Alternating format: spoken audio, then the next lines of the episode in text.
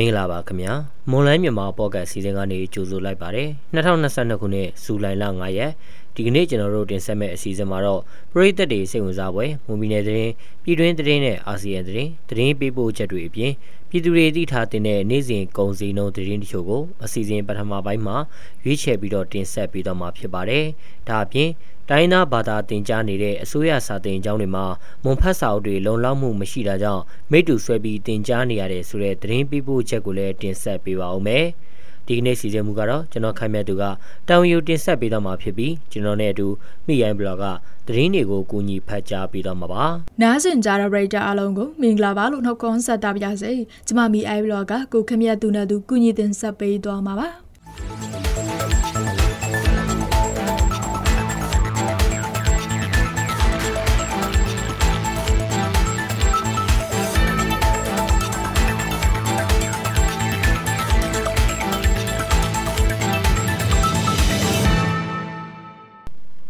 ပြည်နယ်ဘီလင်းမြို့နယ်ထဲမှာ15ရက်အတွင်းစစ်တပ်ကဒေသခံ22ဦးကိုဖမ်းဆီးခေါ်ဆောင်သွားတယ်လို့ကရင်မျိုးသားစီယုံ KNU ကမနေ့ကသတင်းထုတ်ပြန်ပါတယ်။စစ်ကြောင်းဝင်ရောက်ခဲ့တဲ့15ရက်အတွင်းကော်ဟဲရွာကအသက်73နှစ်အရွယ်ကျောင်းသားတူအပါဝင်ဒေါ်စံကြီးတောင်လွယ်ကျိုဝိုင်ဘော်နော်နီမြစ်ကျိုမူဒေလေးကေမော်တိုခီမင်းစော ကော်ဟဲစတဲ့ရွာတွေကဒေသခံစစ်စပေါင်း22ဦးကိုဖမ်းဆီးသွားတယ်လို့ KNU ကထုတ်ပြန်ထားပါတယ်။အဲ့ဒီအတော်အတွင်းစစ်တပ်နဲ့ KNLA KNDO တပ်တွေထိထိတိုက်ပွဲ၈ကြိမ်ထိဖြစ်ပွားခဲ့ပြီးတိုက်ပွဲတွင်စစ်တပ်ဘက်ကပြစ်တဲ့လက်နက်ကြီးကြောင့်လူနေအိမ်၈လုံးပျက်စီးခဲ့တယ်လို့လည်းဆိုပါတယ်။ စစ်တပ်သားတွေယူဆောင်သွားတဲ့ဒေသခံတွေရဲ့ဈေးဆိုင်တွေကပစ္စည်းတွေရဲ့တန်ဖိုးဟာစုစုပေါင်း380ကျော်ရှိတဲ့အပြင်ကျက်89កောင်စိတ်4កောင်နဲ့အိမ်တွင်းပစ္စည်းတွေများစွာပါဝင်တယ်လို့စည်ရင်းနဲ့တကွဖော်ပြထားပါတယ်ဒေသခံတွေကိုလူသားတိုင်းအဖြစ်အသုံးပြုဖို့ဖမ်းဆီးသွားတယ်လို့ KNU ဘက်ကပြောပေမဲ့တီးခြားအတည်ပြုနိုင်ခြင်းမရှိသေးသလိုစစ်တပ်ဘက်ကလည်းသတင်းတစုံတရာထုတ်ပြန်တာမျိုးမရှိသေးပါဘူး ဘီလင်းမြို့နယ်တွေကိုဝင်ရောက်လာကြတဲ့စစ်ကြောင်း၃ခုဟာတပ်မ44လက်အောက်ခံတပ်ရင်းတွေဖြစ်တယ်လို့လည်းထုတ်ပြန်ချက်မှာပါရှိပါတယ်။တံပြူဆက်မြို့နယ်အောင်တရာရက်ကွက်မှာနေထိုင်တဲ့အမျိုးသားရဲ့အရေးပြားပေါ်မှာအဖို့အပိတ်တွေဖြစ်ပေါ်ကန်စားနေရပေမဲ့မြောက်ကျောက်ယောဂလက္ခဏာမတွေ့ရဘူးလို့ပြည်내ပြည်သူ့ကျန်းမာရေးနဲ့ကုသရေးဦးစီးမှုဒေါက်တာနန္ဒဝင်းကပြောကြားခဲ့ပါတယ်။အာဟာရချို့တဲ့တာကြောင့်အရေးပြားပေါ်မှာယောဂဖြစ်တဲ့သဘောမျိုးဖြစ်ကြောင်းသူကဆိုပါတယ်။ လက်ရှိမှာလူနာကိုတိရက်ခွဲထားပြီးလိုအပ်တဲ့ဆေးဝါးတွေကိုပေးထားကြောင်းဒါအပြင်တမားတော်တွေနဲ့ယောဂဗေဒဆရာဝန်တွေကစောင့်ကြည့်ကဈေးကုသမှုပေးနေကြောင်းသိရပါတယ်ပြီးခဲ့တဲ့နေ့ရက်ကတံပြူစီရမြို့စေတနာရှင်လူမှုကယ်ဆယ်ရေးအတွင်းမှတံပြူစီရမြို့နယ်ပြည်သူ့စေယုံတို့ပို့ဆောင်ပေးခဲ့ခြင်းဖြစ်ကြောင်းသိရပါတယ်။ပြီးခဲ့တဲ့လကကြိုက်ထုံမြို့နယ်မှာအရေးပြားအပေါ်အဖုပိတ်တွေထွက်ရှိကယောဂခံစားနေရသူတို့ကိုမြောက်ကျောက်ယောဂတန်ရရှိတာကြောင့်ဈေးရုံကိုပို့ဆောင်ခဲ့ပါတယ်။ စစ်ဆွေးချက်များအရမြောက်ကျောက်ယောဂလက္ခဏာမတွေ့ရှိဘဲအရေးပြယောဂတာဖြစ်ကြောင်းသိရပါတယ်။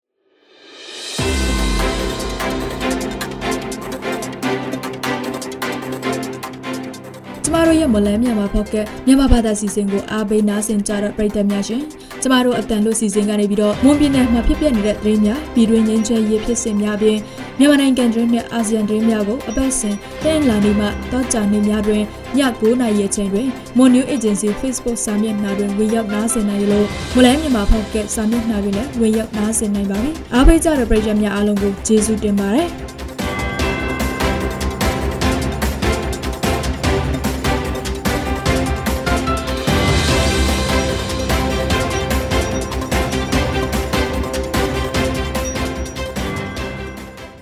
ကရင်ပြည်နယ်ကရင်မျိုးသားလွတ်မြောက်ရေးတပ်မတော် KNL တပ်မဟာ9အတွင်းကရခိုင်တပ်တော် AA တပ်စခန်းတစ်ခုကိုစစ်တပ်ကလီချောင်းနဲ့ဘုံကျဲတိုက်ခိုက်ရမှာ AA တပ်ဖွဲ့ဝင်6ဦးကြာဆုံးခဲ့တယ်လို့ဒီနေ့သတင်းမှာထုတ်ပြန်ခဲ့ပါတယ်။မြန်မာထိုင်းနယ်စပ်အနီးက AA တပ်စခန်းတစ်ခုရဲ့အနီးပတ်ဝန်းကျင်မှာတိုက်ပွဲတစုံတရာဖြစ်ပွားခြင်းမရှိဘဲစစ်တပ်ဘက်ကဂျက်လီရင်နှစ်စီးနဲ့မနေ့ကရွေချက်ရှိရှိလာရောက်ဘုံကျဲတိုက်ခတ်ခဲ့ခြင်းဖြစ်တယ်လို့အေအေပြောရေးဆိုခွင့်ရှိသူဦးခိုင်ဒုက္ခကပြောပါတယ်။ အခုလိုတိုက်ခိုက်မှုအပေါ်လိုအပ်သလိုတုံ့ပြန်သွားမှာဖြစ်ကြောင်းပြောရေးဆိုခွင့်ရှိသူဦးခိုင်ဒုက္ခကဆက်ပြောပါတယ်။အဲ့ဒီစခန်းအတွင်းကစေယုံစေကန်ဆက်ချုပ်ဆက်ယုံအပါအဝင်အဆောက်အုံပျက်စီးကြောင်းအေကဒီကနေ့ထုတ်ပြန်ချက်မှာဖော်ပြထားပါတယ်။ရခိုင်တပ်တော် AA ရဲ့တပ်ဖွဲ့ဝင်တွေဟာရခိုင်ပြည်နယ်အတွင်းသာမကကချင်ပြည်နယ်ရှမ်းမြောက်ဒေသကရင်ပြည်နယ်တို့မှာဖြန့်ကျက်လှုပ်ရှားလျက်ရှိနေတာဖြစ်ပါတယ်။ ရန်ကုန်မြို့ရှိနိုင်ငံကူးလက်မှတ် passport ဝန်ဆောင်မှုပေးနေတဲ့ပြင်ပဈေးကွက်မှာ passport စာအုပ်အမျက်လိုချင်ရင်ဝန်ဆောင်ကအနေနဲ့ကျပ်3သိန်းခွဲအထိဈေးပေါက်နေကြောင်း passport လျှောက်သူတွေနဲ့ဝန်ဆောင်မှုပေးနေတဲ့သူတွေထံကသိရပါဗျ။ မြန်မာနိုင်ငံကူးလက်မှတ်ထုတ်ပေးရေးအဖွဲ့ကကိုဗစ်အကြောင်းပြချက်နဲ့နိုင်ငံကူးလက်မှတ် passport လျှောက်ထားတာတွေကို online booking ကနေရက်ချင်းယူတဲ့စနစ်ကို2022ခုနှစ်မတ်လကစတင်ပြောင်းလဲခဲ့တာပါမြန်မာနိုင်ငံကူးလက်မှတ်ထုတ်ပေးရေးအဖွဲ့ရဲ့အဆိုအရ passport လျှောက်ထားသူတွေဟာတနိတ်ကိုထောင်ချီရှိနေပြီးအချိန်ကြာကြီးတန်းစီရတဲ့အပြင် COVID-19 အန္တရာယ်ကိုလည်းစိုးရိမ်ရတာကြောင့်အခုလိုပြောင်းလဲခဲ့တာဖြစ်တယ်လို့ဆိုပါတယ် ဒါပေမဲ့လက်တွေ့မြေပြင်မှာတော့ online booking တင်တဲ့နေရာမှာတာမန်ပြည်သူတွေအလွယ်တကူရှောက်လို့မရအောင်ကတ်သက်ထားပါတယ်။ online booking ရရှိဖို့အခုလိုခက်ခဲကြက်ကြလာတဲ့အတွက် booking တိတက်ယူပေးတဲ့ဝန်ဆောင်မှုပေါ်လာပြီးတအူးအတွက်ဝန်ဆောင်ကနှုန်းကလည်းကျပ်9000မှကျပ်2000အထိရှိလာပါတယ်။နိုင်ငံကူးလက်မှတ်ဝန်ဆောင်မှုပေးနေတဲ့ agency တွေနဲ့ပွဲစားတွေက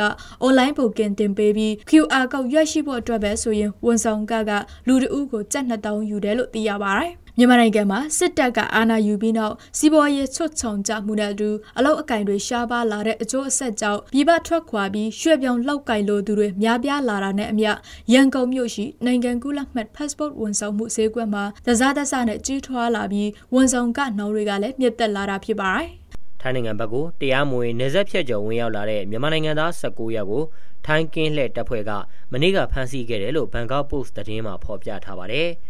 ထောင်ဖဖွန်ခရိုင်စံခလာဘူရီခရိုင်တွေအပါအဝင်နိုင်ငံအနောက်ပိုင်း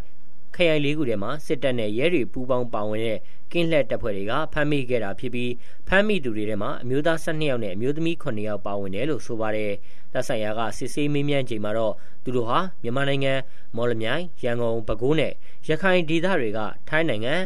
စမုတ်စာခွန်းရရောင် ကချနာဘူရီနဲ့ဘန်ကောက်စတဲ့ဒေသတွေမှာအလုရှာပေးမယ်ဆိုတဲ့ပွဲစားတွေရဲ့ဂတိနဲ့အခုလိုလာရောက်ခဲ့ကြတာဖြစ်ပြီးပွဲစားကတရက်ကိုဘတ်1000ခွဲကနေ3000ထိပေးခဲ့ကြရတယ်လို့ပြောပါတယ်။လက်တလုံးမှာတော့သူတို့ကိုခရိုင်၄ခုကတပ်ဆိုင်ရာရဲစခန်းတွေစီလွှဲပြောင်းပေးထားပြီးတရားမဝင်နေဆက်ဖြတ်ကျော်ဝင်ရောက်လာမှုအပါအဝင်ဥပဒေကြောင်းအရလိုအပ်တဲ့စစ်ဆေးမှုတွေလှုပ်ဆောင်နေတယ်လို့ထိုင်းသတင်းတွေမှာဖော်ပြထားပါတယ်။ မြန်မာနိုင်ငံမှာစစ်တပ်အာဏာသိမ်းပြီးနောက်ပိုင်းစီးပွားရေးကျဆင်းပြီးအလောက်ကန်ရှားပါနေတာကြောင့်ထိုင်းနိုင်ငံကိုမြန်မာလူငယ်တွေအလုပ်လုပ်ဖို့ညီမျိုးစုံနဲ့တွားရောက်နေကြပြီးတရားမဝင်နေဆက်ဖြတ်ကျော်လာသူတွေကိုနေ့စဉ်လိုလိုဖမ်းဆီးခံနေရတာဖြစ်ပါတယ်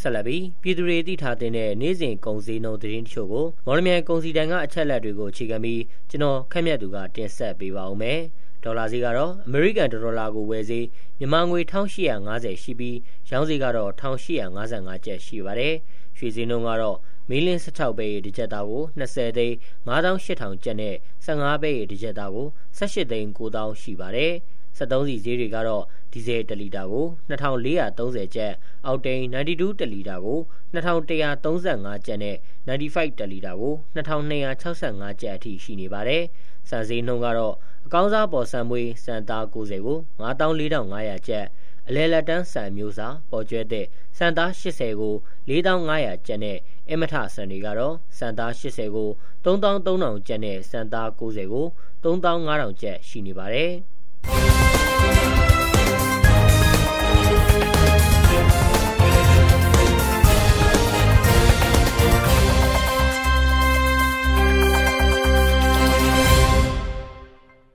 အခုတင်ဆက်ပေးသွားခဲ့တာကဇူလိုင်လ9ရက်နေ့မှာဖြစ်ပျက်ခဲ့တဲ့မွန်ပြည်နယ်သတင်းပြည်တွင်းသတင်းနဲ့အာဆီယံသတင်းတွေပြင်တနိတာစီစေးငွေစေးနဲ့ကုန်စည်နှုန်းတွေကိုတင်ဆက်ပေးသွားခဲ့တာပါဆက်လက်ပြီးတော့တိုင်းနာဘာသာတင်ကြားနေတဲ့အစိုးရစာတင်ကျောင်းတွေမှာမွန်ဖက်စာအုပ်တွေလုံလောက်မှုမရှိတာကြောင့်မိတူဆွဲပြီးတင်ကြားနေရတယ်ဆိုတဲ့သတင်းပေးပို့ချက်ကိုတော်တာကတင်ဆက်ပေးပါဦးမယ်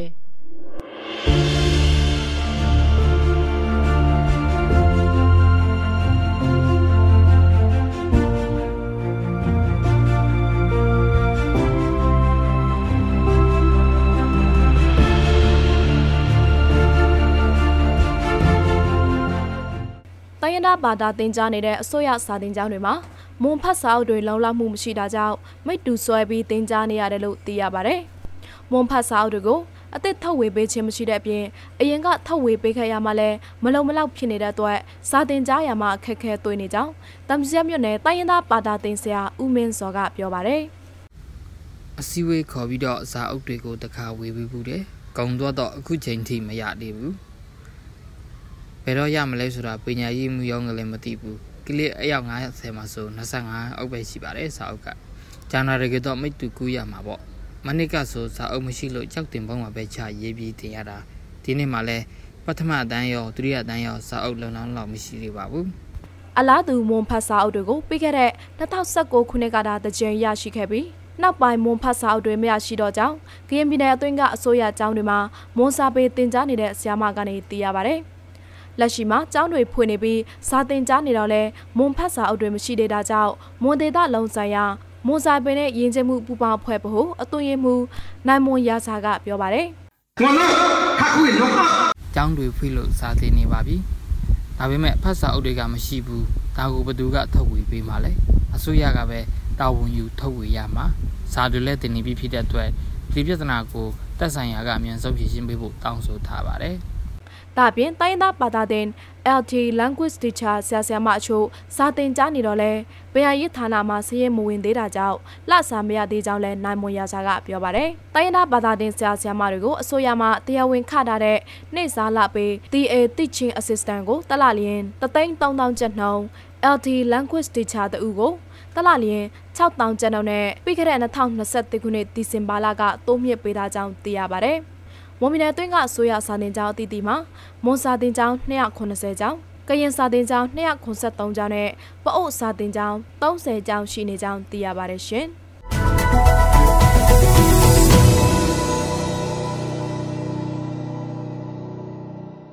ကျမတို့ယူမလဲမြန်မာပုတ်ကတ်အစီအစဉ်ဒီမှာတင်ပြီးဆုံးပါပြီ။နားဆင်ကြတဲ့ရိတာအလုံးကိုနောက်နေ့အစီအစဉ်တို့မှာဆက်လက်အားပေးကြပါအောင်လို့ဖိတ်ခေါ်ရင်းအစီအစဉ်ကိုအဆုံးသတ်ပါရစေ။အားလုံးကိုကျေးဇူးတင်ပါတယ်ရှင်။